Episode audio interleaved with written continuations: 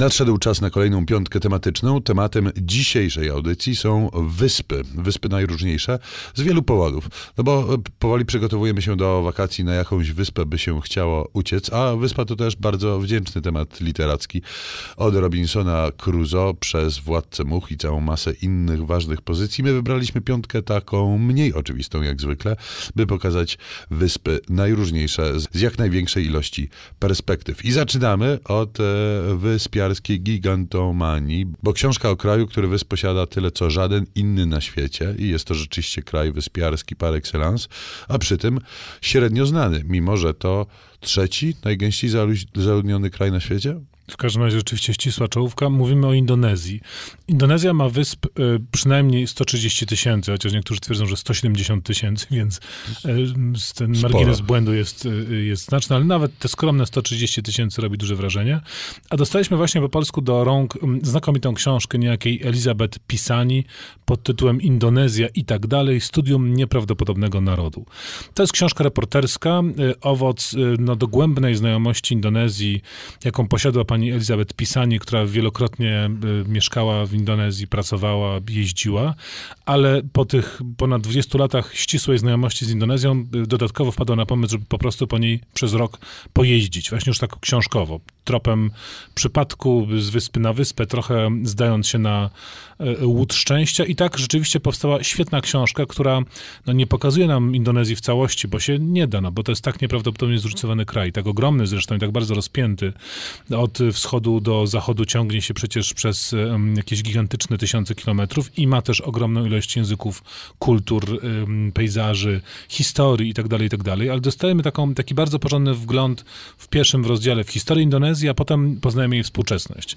To o tym kraju y, mówi się wielokrotnie, że jest to y, najbardziej niewidoczny kraj na świecie, ze względu na to, że faktycznie ogromny jest, y, potężny jest, a mówi się o nim bardzo niewiele i pisani także często stawia pytania dlaczego, ale poznajemy jego wielorakość i różnorodność, a także poznajemy samą autorkę, która muszę powiedzieć jest chyba najsympatyczniejszą, najsympatyczniejszym typem reporterki, jaki poznałem, bo ona trochę pisze o sobie i widać w niej taką szczerą, podróżniczą pasję i rzeczywistą chęć poznania i wejścia w kontakt z, z tymi ludźmi. No ale wśród tych 130 tysięcy są jakieś rajskie perełki, na których chciałby się spędzić resztę życia? Szczerze mówiąc, chciałbym spędzić sporą część życia jeżdżąc po tych wszystkich wyspach. Tak, tam są miejsca, gdzie, które brzmią absolutnie cudownie i które wydają się być wyjęte zupełnie z czasu i epoki. No właśnie, bo zupełnie inaczej jawi się wyspa, która się pojawia w dwuksięgu Jana Józefa Szczepańskiego Ikar Wyspa. I na wyspę trafia e, główny bohater tej książki, Antoni Berezowski, bohater powstania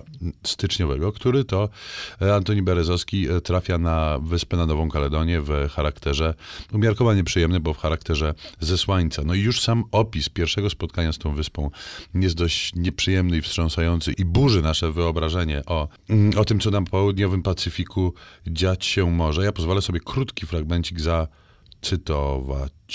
Deszcz wypełniał gęstym trzaskiem palmowy gaj za nimi. Parno było pod niskimi chmurami. Wdychali zapach morskiego szlamu i roślinnej pleśni i bagienny kwas, zaprawiony drażniąco aromatami jakichś nieznanych kwiatów. Powietrze ciężkie, przyprawiające o zawrót głowy. Drżeli. Rozdrażnione wilgocią wszy mrowiły się po skórze. Oprócz wszy właściwie wszystko przyjemne no nie wiem, drażniące zapachy i e, odór pleśni i wilgoć, który, która oblepia e, zmarznięte w tym jednak ciepłym klimacie ciała. E, obraz to rzeczywiście umiarkowanie przyjemny. Losy bohatera też umiarkowanie napawają optymizmem, bo on kończy w końcu w szpitalu dla obłąkanych. Natomiast jest to rzeczywiście, e, pomijając wszystkie inne aspekty tego dwuksięgu, zupełnie inny obraz południowego Pacyfiku i e, wysp leżących e, tamże, które jednak w powszechnej wyobraźni, jakby na to nie patrzeć, uznawane są powszechnie za raj na ziemi. A do wysp dopłyniemy po przerwie.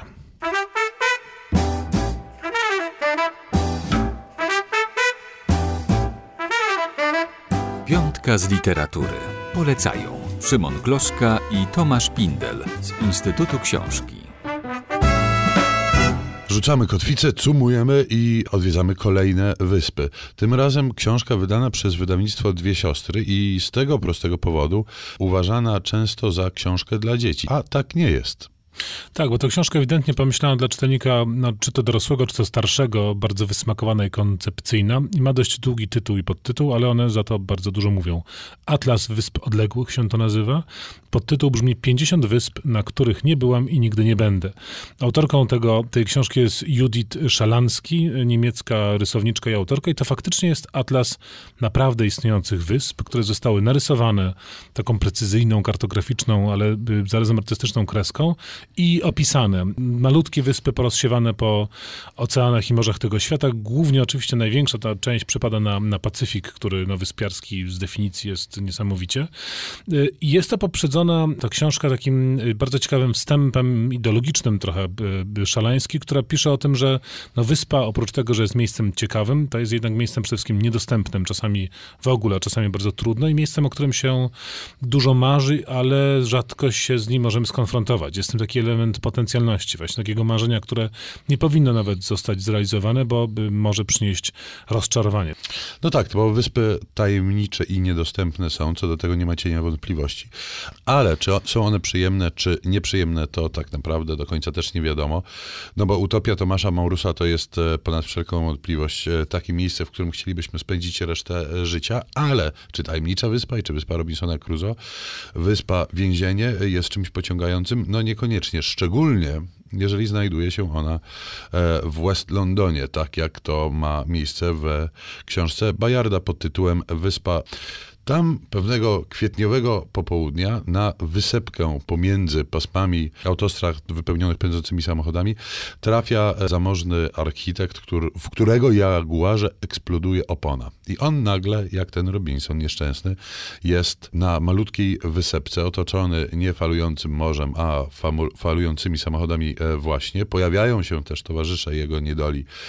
Niejaka Jane Shepard, która jest młodą kobietą uciekającą przed nieudanym małżeństwem i Proktor, upośledzony artysta cyrkowy.